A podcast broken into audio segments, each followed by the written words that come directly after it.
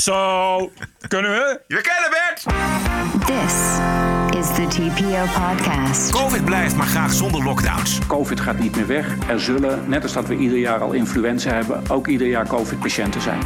De woke-terreur is een één op één kopie uit China. The great proletarian cultural revolution has pushed the mass movement of creative study and application to establish the new ideas, new culture, new customs, and new habits. En de bonusquote is van deze man. The vaccine is one of the greatest achievements of mankind. Aflevering 311. Ranting and Reason. Bert Bresson, Roderick Phalo. This is the award winning TPO podcast. Good morning, Bird. Good morning, Holland. Ja, goedemorgen zeggen we ook tegen de fans van Wierduk. De podcast van Wierduk, want er wordt vakantie gehouden. En iedereen is van harte welkom bij de TPO-podcast. Samen met onze fantastische donateurs. We... Keep the show running. Heel goed. Iemand moet het doen. Precies. Iemand... Dus dan doen wij het. Juist, iemand moet aan het werk. Wij doen het op deze vrijdagochtend, 24 december. Uh, de ministersposten in het nieuwe kabinet lijken geschud. Geen Stijl heeft een documentje gekregen van een man in een, re- een lange regenjas. En laten we even een paar opvallende bekijken, Bert. Ja, even heel even. Want het is bij, ook bij Geen Stijl uh, hebben we, zijn we van, uh, we zetten het online omdat het kan. Ja. Maar de kans dat het echt is, is nog steeds niet zo heel groot. Er staan ook een aantal inconsistenties in namelijk. Wat doet jullie twijfelen? Uh, nou, onder andere omdat een aantal dingen verkeerd zijn gespeld. Zo staat er Beatrice de Graaf. Ja. Die is geen dokter, maar, of die is geen, geen hoogleraar, maar dokter. Of omgekeerd. Uh, de, de, er staan bijvoorbeeld, worden de partijnamen genoemd. Maar waarom zou je dat doen voor een intern document? Het is een beetje raar om als je ministers gaat verdelen... de hele tijd tussen haakjes achter te zetten wie wie is. Uh, dus het is niet gedateerd. Het staat alleen maar 2022. Mm-hmm. Streepje, streepje en dan niks. Dus het is allemaal een beetje, een beetje shaky. En het kwam ook gewoon binnen via de WhatsApp. Uh, en die mensen die dat stuurden zeiden van ja, we hebben dat ook weer via via. Mm. Uh, terwijl aan de andere kant, het zou kunnen, weet je, maar het is een beetje ja. Die partijen die vind ik op zich niet heel erg raar, omdat natuurlijk het heel erg gaat binnen die formatie over de verdeling van ministersposten per partij. Dus ik weet niet of dat nou heel opvallend is dat die partijnamen ertussen staan. En daar stond dus, okay. er staan er wel een paar bij waarvan ik denk dat zou best eens uh, kunnen kloppen. Maar inderdaad, heel goed dat je zegt. Dat laten we het uh, vooral uh, met een slag om de arm houden. Maar toch even leuk om naar te kijken. Ja, precies. Dat vonden wij ook van ja, weet je, het is natuurlijk niet. Je kan het natuurlijk nooit hard maken. Maar het Nee. is wel geinig om dat zo aan te bieden. Omdat het zo wel geinig bij elkaar staat. En het is wel ongetwijfeld voor gedeelte ook wel echt een kern van waarheid in zitten. Ja, precies. Nou goed. Laten we even met deze enorme slag om de arm toch even kijken naar bijvoorbeeld de minister van Veiligheid en Justitie, Hoekstra. Die uh, krijgt die post. Dat zou kunnen. Minister van Klimaat en Energie, Kaag. Ja, dat. Ja, ja. Het, het zou uh, een. Uh, wel, het is natuurlijk wel een prominente, prominente positie. Uh, het is een nieuwe ministerspost, toch, denk ik? Ja. Uh, dus dat past natuurlijk heel goed in haar linkse elan. En ook voor nieuw leiderschap, dat zij het klimaatdossier gaat doen. Ja. Maar je zou denken dat zij minister van Buitenlandse Zaken wil worden. Ja. Verder zien we een terugkeer van Mark Harbers als minister voor armoedebeleid, ja. participatie en pensioenen. Mark Harbers die kennen we natuurlijk van het asieldossier waar hij uh, moest vertrekken omdat zijn ambtenaren een verkeerd lijstje hadden opgesteld waar het groepje overig bleek dat dat de meest criminele asielzoekers en waren. Ja. Dat is een beetje, Harbers is een beetje raar op die lijst. Want? Die komt een beetje uit het niks. Waarom zou hij terugkeren en dan op die positie worden gezet? Omdat hij uh, toch politieke ambities heeft. En hij is eigenlijk pootje gelicht door zijn ambtenaren. Dus het is niet helemaal zijn schuld. Hij is dan officieel wel verantwoordelijk geweest voor die zeper. Maar ja, en maar Harbers die zit natuurlijk in de Tweede Kamer. Die wacht op zijn, op zijn moment. Dus en, ja. Ja, ja, ja, ja, dat wel. Dit, okay, is, nee, goed. dit is wel het kabinet waar hij terug zou moeten keren, zullen we zeggen. Ja. Verder, Janine Hennis, minister van Buitenlandse Zaken. Waarom? Maar dat is elke keer buitenlandse zaken. Er zit altijd iemand op dat je denkt van ja, waarom eigenlijk? En dat is natuurlijk, uh, eigenlijk daarom is Kaag. Je, kijk, iemand met zoveel diplomatieke ervaring zou natuurlijk de ultieme minister van Buitenlandse Zaken uh, zijn. Ja, dat is zo. Maar uh, als minister van Buitenlandse Zaken ben je ook veel pad. En heb je eigenlijk geen focus op Nederland. En ik denk, dat dus. omdat zij dus als eerste vicepremier is... dat ze toch ook even voet aan de bal wil houden in Nederland. Ja, en het punt natuurlijk van ministers van Buitenlandse Zaken is inderdaad dat. Het is toch altijd een soort beetje, ja, het is toch een veredelde ambassadeurspost. Ja, precies. Een soort veredelde diplomatenpost waarbij je als minister eigenlijk uh, ja, veel minder betrokken bent bij, bij, bij het Nederlandse beleid. Je bent toch alleen maar in het buitenland. Defensie ging al wel verhalen over rond wie dat zou worden. En die zat volgens mij ook op die lijst. Rob Jetten. Oh ja, inderdaad, ja. Een aparte benoeming. Ja, Oh ja, ik heb hem hier voor me. Oh ja, Ernst Kuipers, Volksgezondheid. Dat was ook al bekend. Hugo de Jong is natuurlijk een belangrijke. Die uh, wordt minister van primair en voortgezet onderwijs. Volgens het lijstje dan, hè? Ja. Erik van den Burg vond ik ook opvallend. Voorheen wethouder in Amsterdam en uh, tegenwoordig uh, senator van de VVD. Minister voor cultuur sorry, minister voor Natuur en Stikstof. En volgens mij zijn wij het enige land ter wereld, Bert, met een speciale minister voor stikstof. Ja, dat klopt. Erik van den Burg. Ja, Erik van den Burg. En dan uh, even kijken. Uh, Beatrice de Graaf, ja. minister voor Rechtsbescherming. En Jos Wienen van het CDA, staatssecretaris voor asiel. Dus die gaat dan Ankie Broekers-Knol, zou die moeten opvolgen. Ja, daar wil ik nog wel iets over zeggen, over die Jos Wienen. Want hij was natuurlijk de bedreigde burgemeester van Haarlem. Oh ja. Die niet wijkt ja. voor geweld en intimidatie. Juist. En hij heeft dus een stoïcijnse aanleg. Klinkt beter dan Broekers-Knol, vind ik.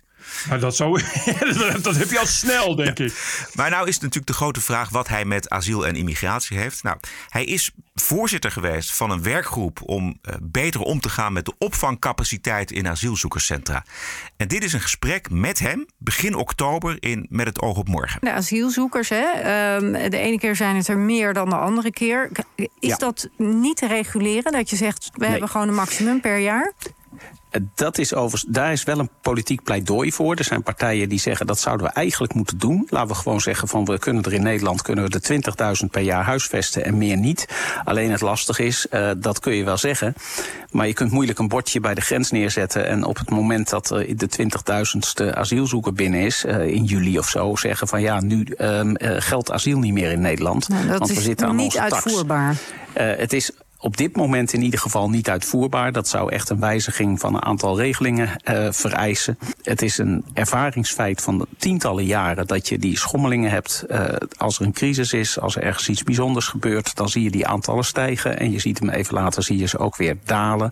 En wij moeten daar beter mee om kunnen gaan door niet uh, iedere keer uh, dat direct op te volgen als het gaat om capaciteit, maar door wat reservecapaciteit in te bouwen. Nou, er komen, als het goed is, binnenkort nieuwe bewindslieden aan. Dus misschien gaat het nu anders dan anders. En luisteren ze dit keer wel.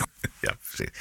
Nou ja, als hij het dan zelf wordt, zou dat inderdaad interessant zijn. Precies. Maar hij zegt wel van, weet je, het is wel een. Ik, ik hoor wel een praktische man die zegt: ja, we hebben nou eenmaal te maken met uh, meer en minder asielzoekers. En we moeten ze opvangen. En dat kunnen we het beste doen. En dan komt zijn verhaal door een soort van reservecapaciteit achter de hand te houden. Dus het is niet een ja. minister, of het is niet een man die dan op dat moment zegt: uh, weet je wat, het is misschien handiger om uh, iets aan die kraan te doen. Dat we zorgen dat er niet te veel mensen binnenkomen.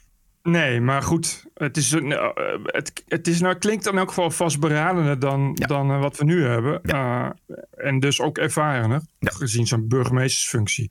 Uh, en de enige die er ook nog op staat is Hugo de Jonge, of onderwijs. Ja, precies, dat zei ik. Minister ja, voor... dat, dat lijkt mij eindelijk iets wat hij echt kan. Ja, precies, ja.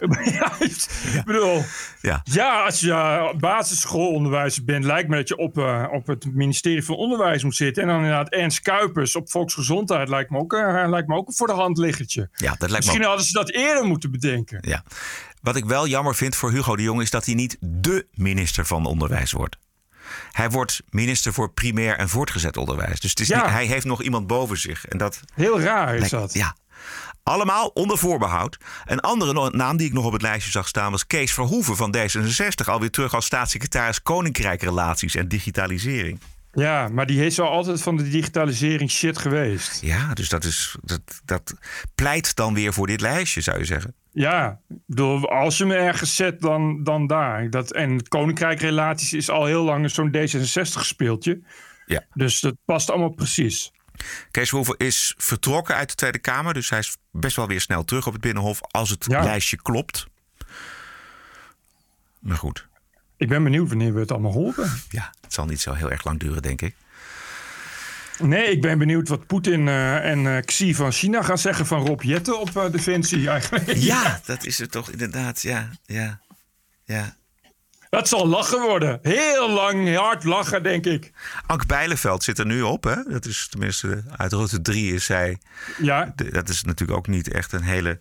Hoe zie je dat dan? Minister, de ministers van Defensie bijeen. Nee, het is vreselijk. Maar ook in heel, in heel Europa, dat blijft zo. Het is op de een of andere manier ook een soort van uh, wookachtig gebeuren... Waar, waar de hele tijd wordt, wordt in heel Europa... wordt dat zo gemanipuleerd dat we laten zien... Uh, dat het gewoon geen, niet per se stevige mannen met in uniformen hoeft te zijn. Weet Nee. je wel? Dat, dat beeld. Terwijl ja, dat moet het wel zijn. Precies. We, ze- we, we bereiden ons niet voor op oorlog. We bereiden ons voor op een diverse samenleving. Dat is eigenlijk wat ze uitstralen. ja, dat. Dat. Precies dat. Ja. Terwijl, ja, nou, de, de vijand. En de vijand is gewoon bekend. En die vijanden die doen heel veel, maar het zich niet voorbereiden op een diverse samenleving. Dus, en, en dat is ook wat we dan willen uitstralen. Het is echt een, een propagandamiddel geworden. Ja. Ook, het is ook de hele, dat is al jaren zo. Ja, Ook in Scandinavië, dan zetten we de hele tijd een vrouw op defensie. Weet je wel? En dan eh, het eerste actiepunt is dan meer vrouwen in het leger. En we hebben hier in Nederland natuurlijk net die propaganda gehad van allemaal soldaten in regenboogcamouflagekleuren. Wat natuurlijk op zich al, al bijna niet te harde was. Eh, we hebben geluk gehad dat Rusland gewoon niet alsnog meteen is binnengevallen. Ja. En dan weer Rob Jetten, die als enige, eigenlijk als enige speerpunt heeft dat hij homo is. En dat elke keer kan zeggen hoe, hoe belangrijk het is dat Nederland eh, vriendelijk wordt voor homo's en dat soort dingen. Ja, daar word je Dus niet me- bang van. Nee, dat is kun nog beter, dan kun je beter ja, Janine Hennis nog hebben of Ja, zo. zeker. Mensen die ook iets, iets, iets nog durven zeggen. Maar dit Ja. is natuurlijk, natuurlijk eh, helemaal een soort plastic, plastic glimlachende pop. Ja. Maar Goed, goed, dan moet het wel eerst worden. Precies. Wij houden nog een slag om de arm wat betreft het lijstje. Ik vond het wel een leuk lijstje. Ik vond het ook goed dat G-Stijl dat eh, onder voorbehoud plaatste. Dus eh, vandaar dat wij er eventjes bij stilstonden. This is the TPO podcast. Ik lees overal dat we eindelijk gaan vooruitkijken op de lange termijn ten aanzien van COVID. Gaat niet meer weg, eh, zoals de griep niet meer weggaat. Vraag is, hoe vermijden we voortdurend lockdowns? Want dat is wel een belangrijke vraag. En nou mag jij één keer raden hoe we dat eh, gaan doen, Bert. Eh, door de IC-capaciteit uit te breiden. Dit is de man die daarover gaat, Ernst Als Kuipers. we dan kijken naar extra capaciteit creëren, dan zal dat voor de toekomst absoluut moeten. Eh, want we moeten er rekening mee houden dat in welke vorm dan ook, dat COVID gaat niet meer weg. Er zullen, net als dat we ieder jaar al influenza hebben, ook ieder jaar COVID-patiënten zijn. En laten we hopen dat het telkens, net als met influenza tegenwoordig, een korte periode in de winter is. Influenza is meestal acht tot tien weken. Eh, en dan krijg je bijvoorbeeld 200 patiënten op de IC. Nou, alleen al als we dat ook van COVID erbij zouden krijgen, heb je die extra capaciteit nodig. Want in Nederland was het al in de winter altijd krap. En dat is maar een conservatief scenario. Dus er moet extra capaciteit bij komen. Ik denk dat we in Nederland af moeten van een soort van kruideniersmentaliteit die voortdurend die rekening in de gaten houdt. Ja. Dit, is, dit is de zorg. We hoorden het net de nieuwe minister en staatssecretaris van asielzaken ook zeggen. Zodra de asielzoekerscentra dicht kunnen, dicht, want kosten besparen. Zodra er voldoende IC-bedden zijn, afvoeren, want kosten besparen. Daar moeten we Ja. vanaf in Nederland. Het is ook heel raar dat, dat het nog steeds niet zo is. Ja, Het, de- het is niet dat, het is niet dat, eh, dat COVID nu eh, een week oud is. Het is al anderhalf jaar zo. Het is nog steeds niet. En ik, ik weet niet, staat het wel in het nieuwe regeerakkoord of ook niet?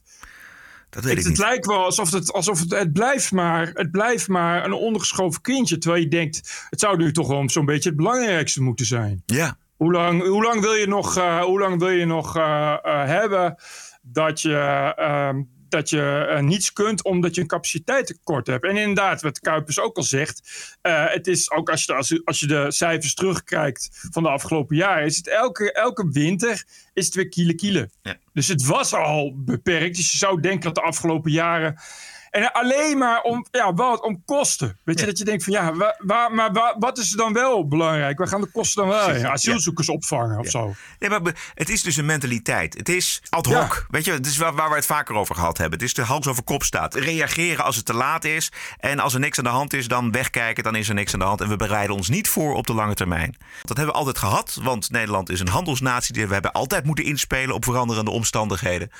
We zijn afhankelijk van het buitenland. Dus dat is, een, dat is de Nederlandse mentaliteit. En zeker als je dan nog kosten kunt besparen. Op, hè, door AZC's dicht te gooien. Of eh, IC-capaciteit in te krimpen als dat nodig is. Of als dat kan.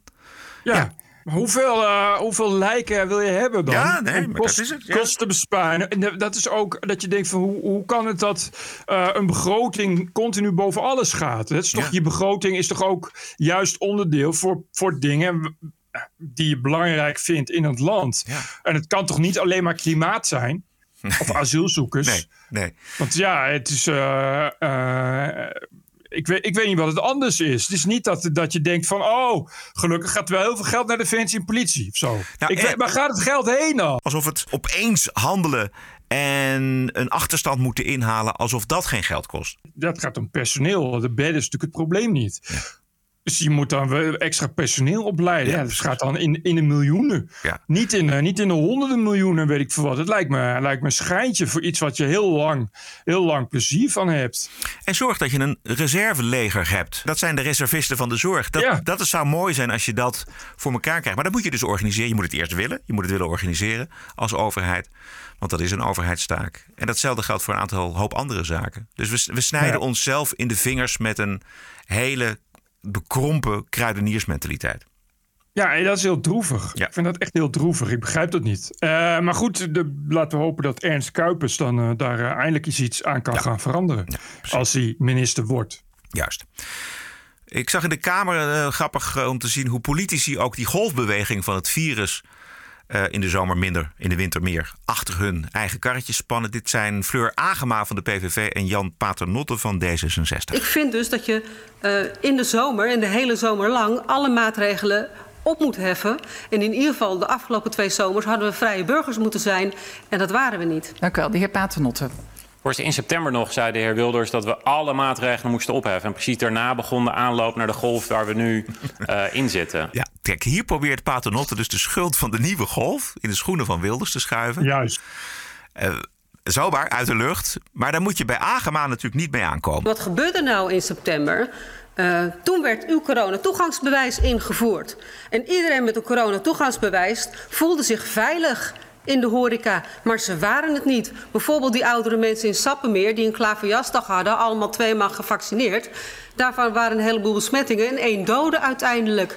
De oud-Kamerleden gingen op een uitje. Ze dachten veilig te zijn met twee vaccinaties en een coronatoegangsbewijs. En ze waren ook niet veilig. En in Italië was er twee weken geleden een feest onder IC-personeel en uh, artsen. En ook zij bleken niet veilig te zijn met drie prikken en allemaal een test. Zijn 70 van de 172 mensen besmet geraakt. Dus eerder het coronatoegangsbewijs heeft de mensen schijnveiligheid geboden en heeft voor een enorme oploop gelopen gezorgd in het aantal besmettingen. En toen is er veel te laat gereageerd. En toen hebben wij de boosters voorgesteld. En die werden ontraden. En u heeft tegengestemd. Juist. Heel goed, Fleur. Ja, precies. Geweldig. Zoveel data, zoveel feiten. Daar valt niet tegen op te praten op een gegeven moment. Dus Paternotte was er echt wel uh, uitgeluld. Behoorlijk. En terecht. Ja. Dan moet je maar niet proberen dat in de, schuld van anderen, in de schoenen van anderen te schuiven. Nee, kijk, weet je, en het zijn ook zulke grote bewegingen. Ik bedoel, ik, ik ben altijd nog best wel. Ja, we kunnen wel een hoop dingen doen. En we moeten ook dingen goed doen. En we moeten ook proactief zijn. Maar ja, het zijn ook zulke enorme bewegingen. Ik las vandaag op Twitter iemand die zei: ah, Roemenië, 40% gevaccineerd. Alle winkels zijn open, uh, weinig besmettingen, et cetera. Maar dan denk ik, ja, wacht maar een week. Weet je, ja, we hebben dat precies. gehad in Israël, we hebben Denemarken gehad, we hebben. Uh, Groot-Brittannië gehad, we hebben Portugal gehad, waar de maatregelen op de schop gingen en het was allemaal over en voorbij. En die zitten nu allemaal in hetzelfde schuitje als Nederland. Ja, dus wat, ja, wat dat betreft is het gewoon dus ja, aansturen op IC-capaciteit. Zeker. En daarmee ga je niet alles redden. Want je moet ook zorgen dat mensen niet besmet raken. Ook door die, met die Omicron-variant. Um, het ziet er wel goed uit voor ja. wat de Omicron-variant betreft. Ja. tot uh, 70% meer risico op ziekenhuisopname. Ja. Blijkt uit Imperial College onderzoek Londen. Ja, precies. En ook uh, uit Spanje, Zuid-Afrika, Schotland en andere Britse onderzoeken blijkt ongeveer hetzelfde. Ja. Tot nu toe, het zijn wel voorlopige data. Uh, en het is toch wel uh, heel erg tussen de 20 en 60 jaar gezonde mensen die gevaccineerd zijn. Mhm, mhm. Dus de vraag is wat er gebeurt met ongevaccineerden en ouderen. Maar toch. Ja, en wat mij ook opvalt is dat het, de, de spike in Nederland nog niet te zien is. Nee. Die ziekenhuisopnames en de IC opnames die zijn eigenlijk nog niet echt hard aan het stijgen. Nee. En dat zeggen we dan op deze vrijdagochtend uh, om uh, 11 minuten over half elf. Ja. Dus het kan allemaal in het weekend natuurlijk allemaal misgaan. Ja. En zeker na de kerst, maar goed. En uh, in Gauteng, Zuid-Afrika, Ja. lijkt het ook alweer voorbij te zijn. Dus Ja, het is precies. ook eens inderdaad, zoals verwacht, uh, bij minder virus kortdurender. Ja. Ja. Dus dat belooft veel goeds. Ja, in elk ja, geval. ja. Laten, we, laten, we daar, eh, laten we optimistisch zijn als het mag. En nu mag Mits het. we, mits we boosteren. Juist. Heb jij al een boosterafspraak? Ik krijg in januari. Ik, oh, Hier, hier krijg je automatisch al. In Spanje was al besloten om iedereen automatisch een booster te geven. een half jaar na de laatste vaccinatie. Dus ik, eh, in januari is dat een half jaar. Dus dan krijg ik gewoon vanzelf weer een oproep. Oké. 3 januari mag ik een derde prik halen. Ah, ja, ja goed. Dan zitten we in januari dus allemaal weer eh geboosterd en wel. Maar ik heb hier, hier is de risico veel minder groot ook. Dus is, Ja, ja, eh, precies. Ja. De aandelenbeurzen, dat is natuurlijk een, ehm, ook, een, eh, ook een inrichting. Ik bedoel, de, mensen zijn ook of heel erg bang of heel erg optimistisch. Dus er zit ook Ja. weinig tussen. Ja, ja. Maar de beurs heeft een flinke duik gemaakt de afgelopen twee weken. En is inmiddels alweer aan het opkrabbelen. Dus eh, dat vind ik toch ook wel weer een graadmeter. In hoeverre Dat klopt. investeerders dus denken dat de Omicron-variant eh, de economie helemaal Precies. vastdraait. En over die angst zijn ze inmiddels eh, heen. Het is een graadmeter voor de positiviteit ook. Ja, exact. En die beurs is altijd hypergevoelig. Die reageert altijd op alles. Ja. Dus wat dat betreft. Ja. Ik las ook een El País, een arts, eh, infectieziekte, hoofdinfectieziekte van een ziekenhuis in Barcelona. Die ook zei: We hebben hier al meer dan 100 mensen gehad die met Omicron. Ja. Dat was aangetoond. En geen van hen hoeft te worden opgenomen. Oké. Eh, nou, dat was uniek, zei hij. Dat had hij nog niet, niet eerder gezien. Bij alle andere golven was het natuurlijk veel erger. Dus per 100 die zich aanmelden in het ziekenhuis moest een gedeelte worden opgenomen. Dus het ziet er, ziet er dus voor in elk geval, nogmaals voor jonge gezonde mensen, ziet het er goed uit. Geweldig. Wat een optimisme in de show. Straks natuurlijk de Wokweek. Maar eerst nog eventjes iets uit Zeeland, Bert. Want ik zag een opvallende tweet van het Zeelandse FVD-statenlid Martin Bos. Niet te, verwarren met het PVV-Kamerlid Martin Bosma. Nee. De FVD'er uit Zeeland die twitterde... het Algemeen Dagblad heeft weer een negatief stukje over Forum voor Democratie. Maakt niets uit. Na de grote strijd krijgt deze krant toch een verschijningsverbod. Ja, En het leuke is dat in, in, in zijn, zijn eh, eh, profiel staat dat hij eh, fan is van democratie en rechtsstaatbeschermer is. En jij had volgens mij erbij gezet... komt er na die grote strijd wel eerst even een tribunaal? Ja, want dat is wel. eh, nu is het ineens grote strijd. Dat was nieuw voor mij. Eh, en, maar nu ligt het verschijningsverbod al vast. Terwijl eerst waren het nog tribunalen. Daar zit toch een, zeker, eh, een zekere vorm van positiviteit in. Want Ja. misschien word je wel vrijgesproken. Maar dat is nu ook niet meer. Het is nu een eh, verschijningsverbod. Ik dacht eerst, ik kende hem niet. Eh, en dat bleek een vergissing te zijn. Nou, wij, wij- andere mensen, eh, bijvoorbeeld bij de redactie van Geen Stijl, kende iedereen hem al. Dus eh, ik ken hem niet. Ik dacht ook van, is het satire? Ik dacht echt, Ja. ik heb, en ik ging zijn andere tweets lezen. Nou, dat was eigenlijk per tweet dat ik dacht van, nee, dit moet een, dit moet een fop-account zijn. Dit, is niet, dit kan niet echt ook iemand die voor een partij serieus in de Provinciale Staten zit. Die, ik heb nog nooit zoveel wappie-tweets bij elkaar gezien.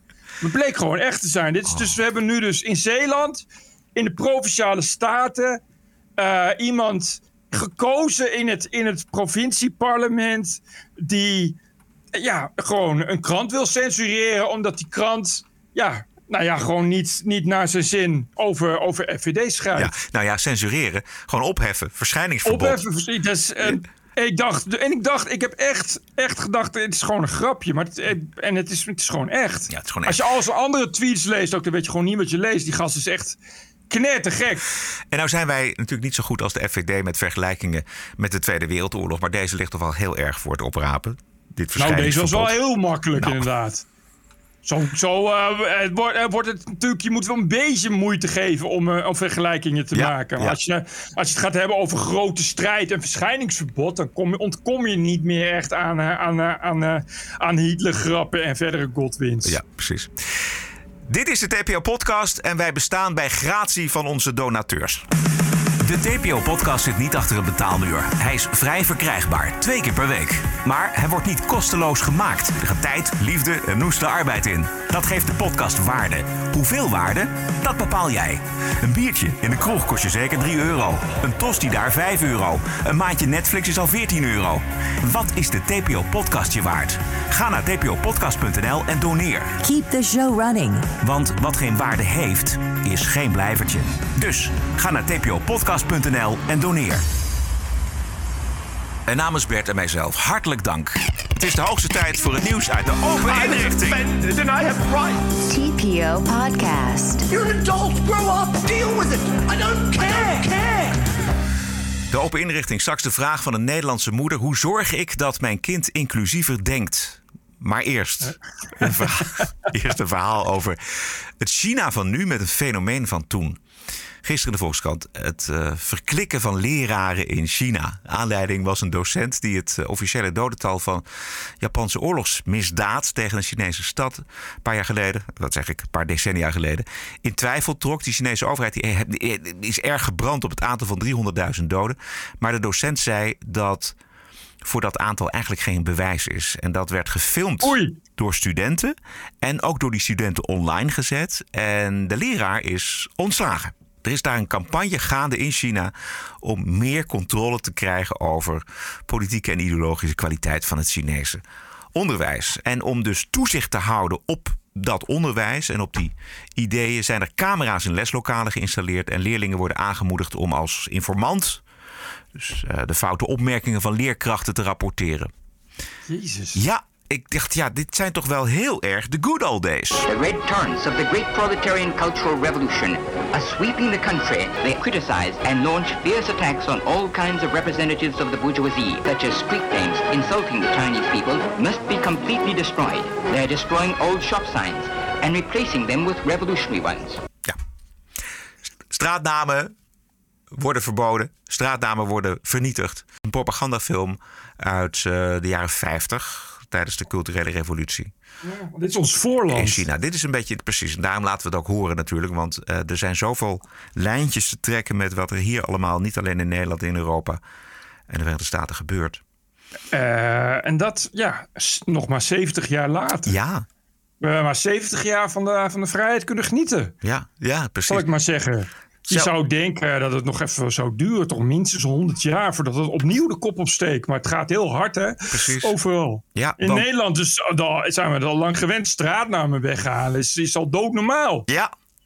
En ik denk dat het ook komt omdat natuurlijk die culturele revolutie, dat, dat, dat krijgt niemand meer op school. Niemand weet dat meer. Dus eh, eh, hoe heet dat ook alweer? Zij die hun geschiedenis niet kennen, zijn gedoemd om hem te herhalen. Ja. Ja, in die propagandafilmpjes van de jaren 50 zie je dus inderdaad uh, dat dan ook... Als je dan een stad hebt, die heeft een symbool van deze, deze stad wordt dan weggetakeld. Nou, dat is in Amsterdam ook gebeurd. Gewoon AI Amsterdam ja. wordt gewoon weg... Echt op propagandistische wijze wordt het gewoon weggehaald. Omdat uh, AI is gewoon te individualistisch. Dus het is eigenlijk echt een pure communistische ja. revolutionaire daad. Ja. En er is gewoon niemand die daar wat van zegt. Gewoon niks snoppers. Het is gewoon, het, gewoon precies hetzelfde als in 1950 China. Ja. Wat er in Amsterdam plaatsvindt is gewoon uh, Shanghai 1952. Ja, en dat hebben de Amsterdammers over zichzelf afgeroepen. Want die hebben ja. GroenLinks de aller, aller, allergrootste partij in Amsterdam gemaakt. Dus daar was helemaal geen discussie over. GroenLinks bestuurt hier de, de stad. En alle linkse partijen, inclusief D66, die in het college zitten... die hebben verder heel weinig in te brengen. Nee, die bukken. Dat zijn gewoon... Ja. Uh, ja Dat is gewoon net als een politbureau, die kunnen alleen maar klappen. Precies. En dan, zijn... dan lijkt het alsof je democratie is, dat je kunt stemmen. Maar dat is niet zo. Zelfs als je in Amsterdam op de VVD stemt, dan krijg je, krijg je alsnog GroenLinks. Weet je, het is echt... Is, Amsterdam is, is gewoon het voorbeeld van gewoon China 1950. Ik bedoel, je kan er niks anders van zeggen. Het is gewoon de grote mars, is al lang geweest. Zo De straatnamen verdwijnen, eh, het bord I Amsterdam verdwijnt. Tunnels en bruggen die worden hernoemd of ze storten in. Als het Amsterdamse stadsbestuur straks bij de gemeenteraadsverkiezingen bij de vuilnis wordt gezet. En ook hopelijk wordt opgehaald, want dat is nogal een ander probleem hier in Amsterdam. Ja, en dan ook nog, ook nog verbrand. Dat is ook een probleem. Dus Precies, dat wordt dan ja. al een heel ding. Dan kunnen die linkse partijen wel terugkijken op een fantastische nalatenschap. Want eh, we gaan nou niet alles noemen, maar even zomaar twee nieuwsfeiten van deze week waar je u tegen zegt. De brandweerkazernes Anton, Dirk, Hendrik, IJsbrand, Nico, Pieter, Teunis, Victor, Willem en Zebra, die krijgen een nieuwe naam. Meer eigentijds, whatever that may be. En ze, ze worden neutraler. Dus, Neutrale. Ja, dus Neutrale ja, brandweerkazernes. wat er staat dus letterlijk: de witte mannennamen moeten weg. Heel belangrijk. Ah, bij het blussen van brand is het gewoon heel belangrijk hoe je brandweerkazerne heet. Je wil niet dat je, dat je flatgebouw wordt geblust door iemand uit de Jan de Wit kazerne. Nee, nee, nee, nee. nee. dat moet, eh, dat moet eh, eh, de Rashid Hassan kazerne zijn. Precies. Anders dat anders maar affikken, dat hoeft het voor mij niet. Witte mannennamen raken uit de mode. Schrijft dan het parool. Dat is ook zo erg. En het is beter om eigentijdse en neutrale namen te geven. Bovendien is het logischer om kazernes te vernoemen naar locaties. Logischer! Naar locaties in overeenstemming met kazernes in de rest van het land. Want waarom heet een kazerne bij de Eitunnel Nico? Die kazerne die heet al 100.000 jaar Nico. En dan gaat dus iemand zeggen dat witte mannennamen uit de mode raken. En het logischer is een kazerne naar de plek te vernoemen waar die staat. Ja, ik, Dit is ik weet nu al. Ja, dit is inderdaad eh, 100% nieuwspeak. En ik weet nu al dat eh, voordat je die naam hebt veranderd, gaan er tonnen doorheen om, om, ja, eh, om, om, om, om klankbordgroepen te organiseren. En evaluatiecommissies en vergadersessies. En noem allemaal maar op. En dan komen de bureaus, die mogen namen gaan pitchen. En dan wordt dan uiteindelijk een naam uitgekozen. En dan is het per brandweerkazerne heeft het anderhalf miljoen euro gekost om de naam te veranderen. En dan staat je huis in brand. En dan komt er geen brandweer omdat de brandweer op is, omdat die is wegbezuinigd. Ja. Dat vind ik zo mooi. Dat Of vind er- ik zo, en zo gaat het elke keer in Amsterdam. Dat vind ik het allermooiste. Of er is ehm, verwarring onder de brandweermannen, weet je wel. Dus er wordt bijvoorbeeld de eh, brandweerkazerne ehm, Josephine wordt opgeroepen. Maar de brandweerkazerne die was ooit Nico. Brandweermannen van Josephine verzamelen. Dus die mannen slapen gewoon door. Want die denken, ja, die hebben Ja. dat in hun hoofd. Die denken, ja, Ja. ik kom pas in actie als het gaat om Nico. Ik vind het wel overigens heel kwetsend, Rode, dat je de hele tijd brandweermannen zegt. Ja, precies. Ik heb liever dat je brandweermensen zegt. Ja. Ja. Of gewoon brandweren. Misschien ook omdat... Ik wil wel ook dan graag dat er gewoon op elke, elke kazerne... gewoon ook, ook tenminste één genderfluïde brandweer... brandweerweer weer zit. Ja, zeker. Ja. Ik denk ook dat, je, dat het blussen van je huis niet doorgaat als er te weinig eh, genderfluïde brandweerlieden beschikbaar zijn. Nou, zeg het nou niet te hard, want Reinier van Danzig pikt dit zo op. Ik bedoel, je kan hier grappig over doen, maar voor, voor Reinier van Danzig zijn dit serieus ideeën. Ja. Moeten we dat willen, vraag je dan. Misschien kunnen we het er dan beter niet over hebben. Reinier van Danzig luistert altijd mee. Eh, ander dingetje in Amsterdam. Aan de Zuidas, het zakencentrum waar zoveel witte mannen lopen, eh, krijgen de nieuwe straten de naam van vrouwelijke componisten. En nou blijken er zeker een aantal vrouwelijke componisten te zijn die het absoluut verdienen om eh, een straatnaam te hebben. Maar de ideologie is dat die juist in een wijk moet komen waar veel mannen rondlopen. En officieel is het dat het college van BMW heeft ingestemd met het advies van de adviesraad. Maar deze adviesraad is, zoals we weten, eh, er zelf door het college neergezet om de straatnamen in Amsterdam diverser en inclusiever te maken. En er staat dan de gemeente Amsterdam, de Vrije Universiteit en toonaangevende bedrijven creëren een plek waar ontmoetingen, vitaliteit en kennisuitwisseling centraal staat. Diversiteit is daarbij een belangrijke succesfactor. Zo wordt het verkocht. Oké. Ja. En straten waar veel mannen. Hoe, waar, hoe wordt dat gemeten? Ik, ik, want ik lijkt mij dat in elke straat er gewoon evenveel vrouwen als mannen uh, zijn. Nou ja, dit is de Zuidas en daar staan heel veel banken en daar staan heel veel nou grote bedrijven. En het idee is dat daar nog steeds de witte man de dienst Ja. uitmaakt. Ja. Dus eh, dan wordt er gedacht, nou, daar lopen vast een hoop witte mannen. Dus juist daar gaan wij waarom- de vrouwelijke componistennamen installeren. Waarom? Wat verandert dat? Nou, dan zit, je, het- dan, dan zit je bij de goede doelgroep. Dan, want de doelgroep is de witte mannen. En die moeten nou eens een keer luisteren en weten dat er ook heel veel vrouwen zijn die succesvol zijn geweest. De doelgroep zijn de witte mannen. Nou, die zullen wel eh, opkijken. Nou, van dat een denk eh, ik ook. bediend Stembergplein. Ja. Of, wel, of, een, of, een, of, een, of een Iris de Hondlaan. Ja. Dat is echt heel anders bankieren. Denk het ook. Andere belangrijke succesfactor is het gemeentelijk beleid om iets aan de weligtierende homo-haat te doen in de stad. Het gemeentebestuur doet dat fantastisch met regenboogvlaggen en regenboogzebra's. Want die lossen alle homohaat op in Amsterdam, behalve in Amsterdam-West en in Amsterdam-Oost, waar heel veel tieners wonen met een bepaalde opvoeding en een bepaald geloof. Eén dag lag het regenboogzebrapad ongeschonden op het Bosselommerplein. Eh, te- en toen spoot iemand met een zwarte spuitbus no homo eroverheen. Oh, maar dat zijn natuurlijk tieners uit Urk. Ja. Weet je wat zo grappig is? Dat je, als je dus op Twitter kijkt en je ziet daar de gemeenteraadsleden, bijvoorbeeld een eh, Jan-Bert Vroege van D66, die Ja. heel vervent voorstander is van die regenboog-symboliek. die denkt dat het daarmee allemaal opgelost wordt. Die, eh, zelfs die zit dan met zijn handen in het haar. En die denkt, eh, ja, wat nu? Maar die wil niet eraan dat je naar die ouders toe moet. Je moet dat, je, dat er een cultuur in Amsterdam is geïmporteerd die vijandig staat tegenover homo's. En dat je daar dus iets aan moet doen. Want Huh, een, een cultuur die vijandig staat tegenover homo's? Huh? Nou, dat zal dan wel de Urk en Staphorsten zijn. ja, als zij het waren, dan moet je er in, in Urk iets aan doen. Maar in Amsterdam Ja, dan hebben we te maken met een andere cultuur die Oh eh, nee, staat. racisme. Ja, precies. Dus- Islamofobie. Oh Ja, nee. Zolang we eh, als we dood zijn voor stigmatisering, dan gaan we problemen niet oplossen. Nou, hoe vaak hebben we dat nou al niet gezegd? Je, je regenboogzebrapaden worden beklad. Niet bepaald een eh, uiting van tolerantie. Dat schiet kennelijk niet zo op nog met de tolerantie. Misschien meer zebrapaden, regenboogzebrapaden.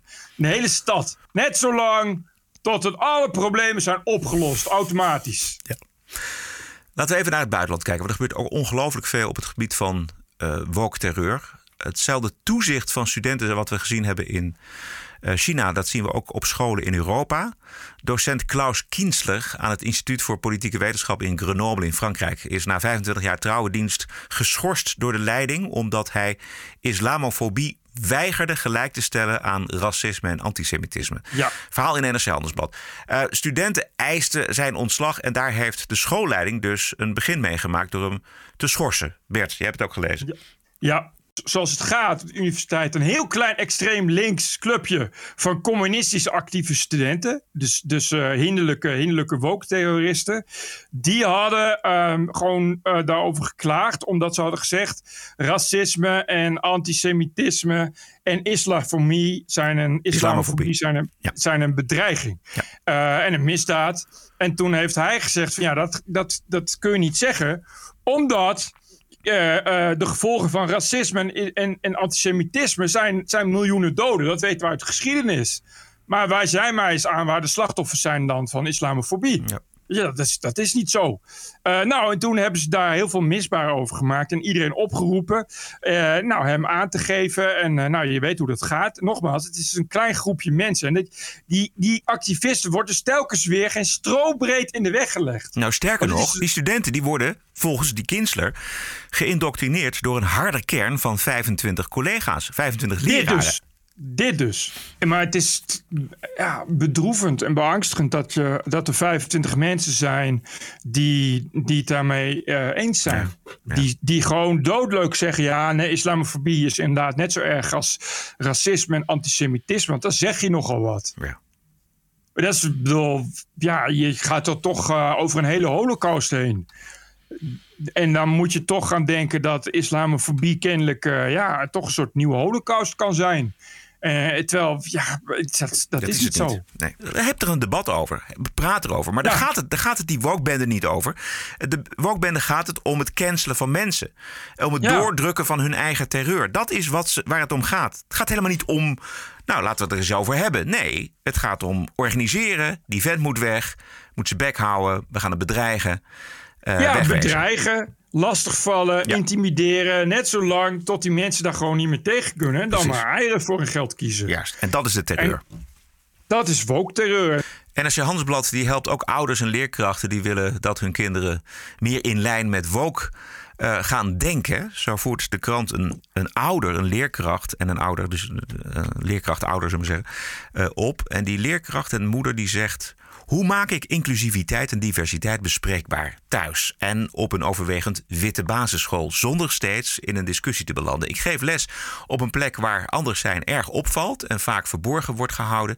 Ik wil dat iedereen zich op onze school veilig voelt. Van welke sekse, geaardheid en kleur dan ook. Maar in ons gedrag en in onze taal zitten veel stereotyperingen is, dit is een tekstboek, tekstboekman.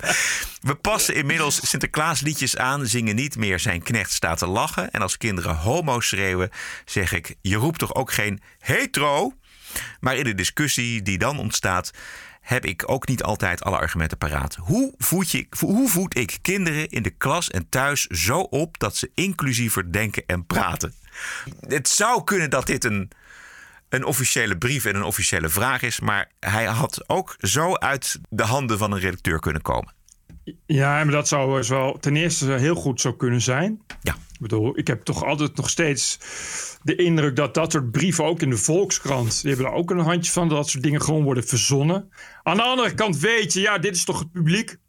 Dus waarom ook niet? Ja. Maar uh, wat was het antwoord van ja, het antwoord en het grappige was dat uh, zij zoeken dan natuurlijk iemand, een hoogleraar op het gebied van jeugd en maatschappij. Uh, dat is dan iemand, Judy Mesman. En zij heeft ook een boek geschreven, Opgroeien in kleur. Opvoeden zonder vooroordelen. dus dat, is, dat zit je precies bij de goeie.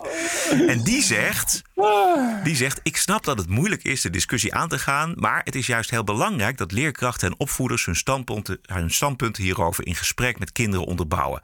Als kinderen snappen waarom iets wel of niet gezegd wordt, volgen ze dat inzicht ook in andere situaties. Anders krijg je misschien dat ze in een klas geen homo meer mogen roepen, maar op straat nog wel. We willen dat kinderen hierin een doorleefde sensitiviteit ontwikkelen. Vreselijk.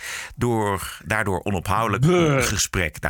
En dan nog leerzamer is het voor kinderen als volwassenen zichzelf corrigeren. Die kinderen die, worden, die hebben al zo weinig speeltijd. Dan moeten ze het ook nog thuis aan de keukentafel bij papa en mama onderwijs, onderwijs krijgen in diversiteit en inclusie. Het is zo ziek. Ja. Het, is allemaal, het, is allemaal, het gaat allemaal ten koste van, van uh, onbevlekte lieve kinderbreintjes. Ja, precies. Gelukkig. Straks allemaal seriemoordenaar worden. Ja. Gelukkig, ik weet niet of de reacties ook eronder heb gelezen, maar er waren een aantal. Uh, ik, van twee reacties vond ik wel mooi. Nee. Eentje uh, die zei: inclusiviteit en diversiteit zijn ideologisch beladen begrippen waar volwassenen en al het al soms moeilijk mee hebben. Hoe kun je kinderen die nog amper begrip van de wereld hebben daarmee lastigvallen? Belangrijkste voor jonge kinderen is dat ze leren respect voor elkaar te hebben, maar ook leren om voor zichzelf op te komen. Vond ik een hele goeie. Ja. En er was er nog eentje. En die had de naam K. Koppenol ja, ik ken iemand bij RTL die... Uh... Ik ook, dat is Kim Koppenol. Ja, dat is de, de perswoordvoerder, ja, van, uh, ja. van, RTL. Nou weten we niet of dit Kim Koppenol is, maar ik probeer in de opvoeding van mijn zoon juist niet de nadruk te leggen op wat afwijkt van de norm. Door dingen als een handicap, kleur, gender, seksuele voorkeur, etc. niet expliciet te benoemen. Op die manier is alles voor hem normaal. En dat werkt tot nu toe heel goed. Oké. Nou, het klinkt een beetje als Kim Koppenol. Het zou wel Kim Koppenol kunnen zijn. Ja, precies. Ik zou het leuk vinden als het, eh, als het haar is. Ja. ja. Uh, ik had uh, nog een uh, interessante inzending. Ja, overtel. Over gender, leuk. transgender. iemand die heet Kim, zonder achternaam. ik wil wat zeggen over transgenders. Niet alle postoperatie transseksuelen identificeren zich ook als transgender. En degenen die dat wel doen, zetten de groep met genderdysforie totaal voor lul. Bovendien zijn genderidentiteit en seksuele voorkeur totaal verschillende dingen. En net zoals homo's steeds minder op hebben met LHBTQIA, zijn er ook steeds meer postoperatieve transseksuelen die gewoon een normaal leven hebben en helemaal niets op hebben met de aandachtzoekers. Dus ik heb teruggemaild. Ik zei: Kun je iets, iets, over, iets meer over vertellen? Ja. Uh, en het antwoord is: ja, de meeste transseksuelen zijn gewoon man of vrouw en doen daar zelf verder niet zo moeilijk over. En ze eisen ook geen speciale positie en ze voelen zich na een operatie ook geen transgender. Ja, en als je man of vrouw bent, dan, uh, ook al ben je niet met die uiterlijke kenmerken geboren. en je verandert de uiterlijke kenmerken met de innerlijk ervaren geslacht met een seksentransitie. Waarom blijven sommigen zich dan nog wel transgender noemen? Want genderdysforie is ook voor de medische wetenschap gewoon een hersenziekte. Uh, in het boek Wij zijn ons brein van Dick Schwab door gedegen onderzoek is vastgesteld dat in de hersenschors de representatie van wel of niet aanwezige penis of borsten al is vastgelegd, ongeacht je XX of XY-chromosomen. Uh, en dit kan anders zijn dan waarmee iemand fysiek geboren wordt. Dus dan is er sprake van genderdysforie, de ontevredenheid over het verkregen uiterlijke gender. Dat is vergelijkbaar met iemand bijvoorbeeld die zijn arm of been wil laten afzetten. Dat heet Body Integrity Identity Disorder. Um, die mensen bestaan. Dat is waarbij personen van jongs aan al het gevoel hebben dat een deel van hun lichaam gewoon niet bij ze hoort. Uh, en die laten, dat is echt, dat bestaat, ik ken dat. Die laten inderdaad uh, ja, gewoon functionerende lichaamsonderdelen amputeren. Uh, met een operatie wordt genderdysforie op de best mogelijke manier verholpen. Maar waarom vinden sommigen het dan zelf nog steeds nodig om transgender als een identiteit te zien?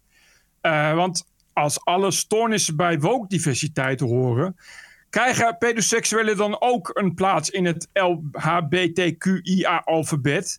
En het is gewoon bizar om met een transgender regenboogvlaggetje te gaan staan wapperen. En blij te zijn met je aangeboren afwijking. Precies. Een van mijn vrienden is uh, transgender, maar is van vrouw naar man uh, getransformeerd. Ja. Dat is hij, nou, ik denk. 20 jaar geleden heeft hij dat gedaan. Is heel goed gelukt, om het maar zo te zeggen.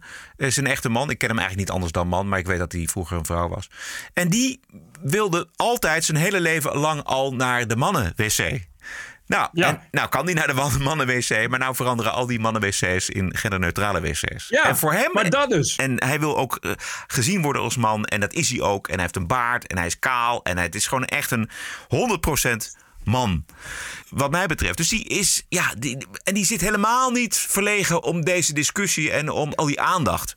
Kim, geweldig. Bedankt voor je mooie uh, e-mail. Ja, bedankt Kim. Uh, super. Wij uh, houden ons altijd aanbevolen voor dit soort verhalen uit het veld. Ik wil nog even Vertel. iets voorlezen. Ja. Dat is Francis Fukuyama de bekendste intellectueel ooit in de 21ste eeuw.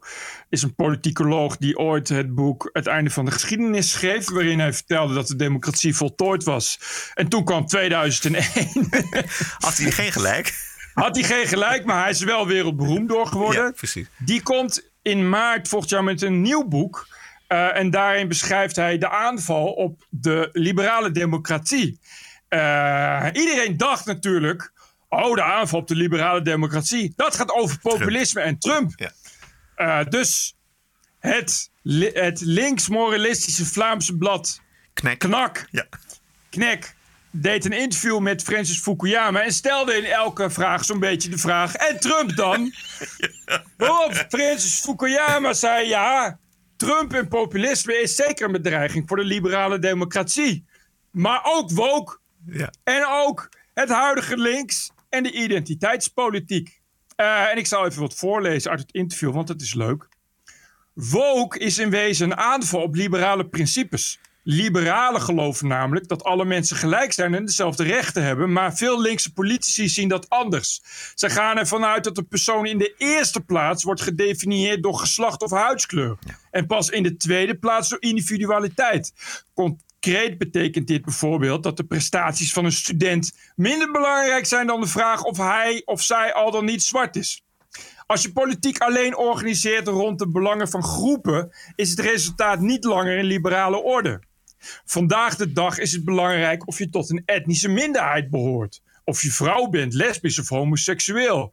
Maar mijn belangrijkste argument tegen identiteitspolitiek is dat het afleidt van echt sociaal beleid. Dat het leven van mensen echt zou kunnen verbeteren. De laatste quote is het belangrijkste. Ik denk dat de Franse filosoof Michel Foucault de kwade genius is achter veel van die dingen. Het is de kern van het postmoderne gedachtegoed dat de taal een uitdrukking is van machtsstructuren. Mensen worden door taal geketend. Een vriend van me vertelde me onlangs dat een professor zich tegenover zijn studenten moest verontschuldigen voor het gebruik van het woord blindsided, omdat het denigrerend zou zijn voor blinden. Dat is natuurlijk totaal belachelijk. Nou, als Francis Fukuyama het zegt, wat nogmaals een grote invloedrijke intellectueel is. Ja, dit is een belangrijk uh, punt wat hij maakt. Um, het lijkt een beetje op het boek. Wacht, ik het even...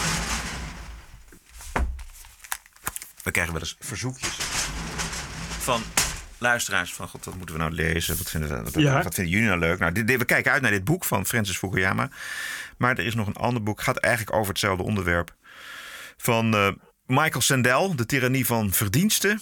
Over de toekomst van de democratie. En die eh, pakt eigenlijk dezelfde twee zaken. Dus eh, populisme, maar zeker ook woke. En het negeren van het populisme. Dat is ook een, eh, een buitengewoon ernstige zaak. Ja. En dan zegt Knak, ja, met woke is toch helemaal niets mis? Want woke zorgt voor een meer rechtvaardige orde. Dat je denkt, dus hoe erg kun je, hoe, hoe diep kun je met je hoofd in je eigen kont zitten? Nou, precies, ja. Dat was het. Dit was het. What a woke week it was. This is the TPO podcast. Alleen nog een bonuscode, Bert. Hit it, man. TPO Podcast. Hij is al een paar keer genoemd, eh, deze uitzending. Eh, de bonuscode is van The Orange Man, de Donald. Hij zat eh, voor een zaal fans te praten met die oude brompot Bill O'Reilly. En hij zei waar het op stond. Met feiten en logica. We did something that was historic. We saved tens of millions of lives worldwide. We, together, all of us. We got a vaccine done, three vaccines done, and tremendous therapeutics like Regeneron and other things that have saved a lot of lives. We got a vaccine done in less than nine months that was supposed to take from five to 12 years. Because of that vaccine, millions and millions of people, I think this would have been the Spanish flu of 1917, where up to 100 million people died. This was going to ravage the country far beyond what it is right now. Did you get the booster? Yes. Ja.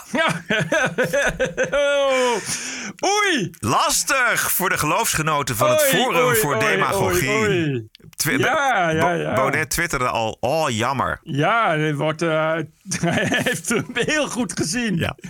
Terwijl eh, eigenlijk al lang bekend was dat Trump het vaccin genomen heeft. Dit is februari Ja. van dit jaar. Remember, you know, we took care of a lot of people, including, I guess, on December 21st, we took care of Joe Biden because he got his shot, he got his vaccine, he forgot. It shows you how unpainful that vaccine shot is. So everybody go get your shot. Dit vind ik, dat is heel mooi, weet je. Omdat Joe Biden het vaccin genomen heeft, dat bewijst dat het niet pijnlijk is. Ja, maar hij heeft het slimme van Trump Ja. is dat hij zegt, is dat hij wat hij doet is namelijk en dat zo hoort het ook. eh, dat vaccin, dat is natuurlijk gewoon een geweldige uitvinding. En wat hij zegt is wij van de vrije wereld hebben dat toch maar weer uitgevonden. In een paar maanden in, tijd. In een paar maanden tijd. En dat is natuurlijk waar het om gaat. En dat is, dat is eigenlijk, zouden inderdaad juist die republikeinen dat moeten omarmen. Want, want ja, de, de reden dat we dat kunnen is dat we in, in, in de juiste wereld leven. Weet je, dat, dat is Maar die antivax, die echt, die, die, er, zijn, er zijn heel veel soorten antivax mensen. Maar de, de echte, de ideologische antivax mensen, die vinden dit helemaal niet leuk. Nee, Eh, nee. En, en, en Trump is echt eh on a mission. Eh, hij zat ook bij Kenneth Owens. Even een klein stukje uit dat gesprek. The vaccine is one of the greatest achievements of mankind. We would have had in 1917, remember the Spanish flu killed perhaps 100 million people. Actually, it ended the First World War because the soldiers were so. A lot of people don't know that. The soldiers got so sick. It was a terrible thing. There was no vaccines, there was no anything. I came up with a vaccine, with three vaccines. Mm. All are very, very good. Came up with three of them in less than nine months. It was supposed to take five to 12 years. And yet we more saved- people have died under COVID this year, by the way, Yeah, under Joe Biden, right. than under you. And more people took the vaccine this year. So people are questioning how. Well, no, the vaccine worked, but Proberen om een soort van kausaal verband te leggen. Some people aren't taking. The ones, the ones that get very sick and go to the hospital are the ones that don't take their vaccine. But it's still their choice. Mm. And if you take the vaccine, you're protected. Look, the results of the vaccine are very good. And if you do get it, it's a very minor form. People aren't dying when they take the vaccine. What about the masking of children? Right. Dit kan ze niet winnen, dan maar door naar The Masking of Children.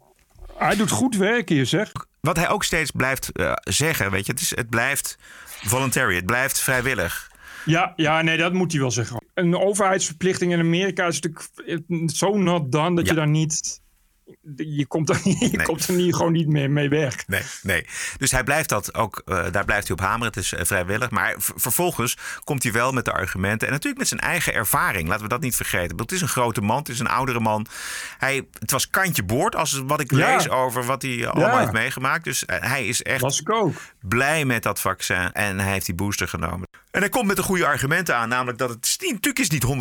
Maar het zorgt wel voor mildere klachten. En eh, minder ziekenhuisopname en minder doden. De- hij maakt het moeilijk dus inderdaad voor veel mensen. Omdat eh, ja, het is binnen de Republikeinen is het antivax-denken enorm. Het is eh, volledig verbonden met de politiek. Dus het is echt een ding geworden voor de overheid niet vertrouwen. Hè? Dus, dus niet doen, want, want, want de overheid. En eh, dat nou uitgerekend Trump.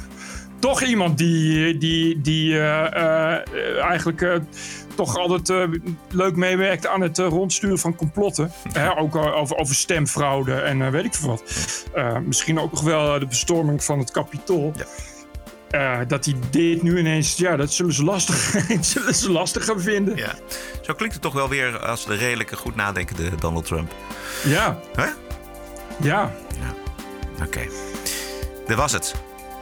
Yes! Aflevering 311 van de TPO Podcast. Elke dinsdag en vrijdag op Spotify, Apple Podcast, iTunes, TPO Podcast en YouTube. Dankzij onze geweldige editor Julian.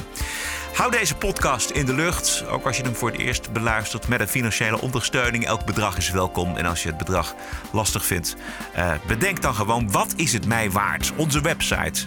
Daar ziet u hoe u kunt doneren. tpopodcast.nl En we zijn alweer terug aanstaande dinsdag 27 december. Stay cool! En tot dinsdag, derde kerstdag. TPO Podcast. Bert Bruson, Roderick Balo, ranting and reason.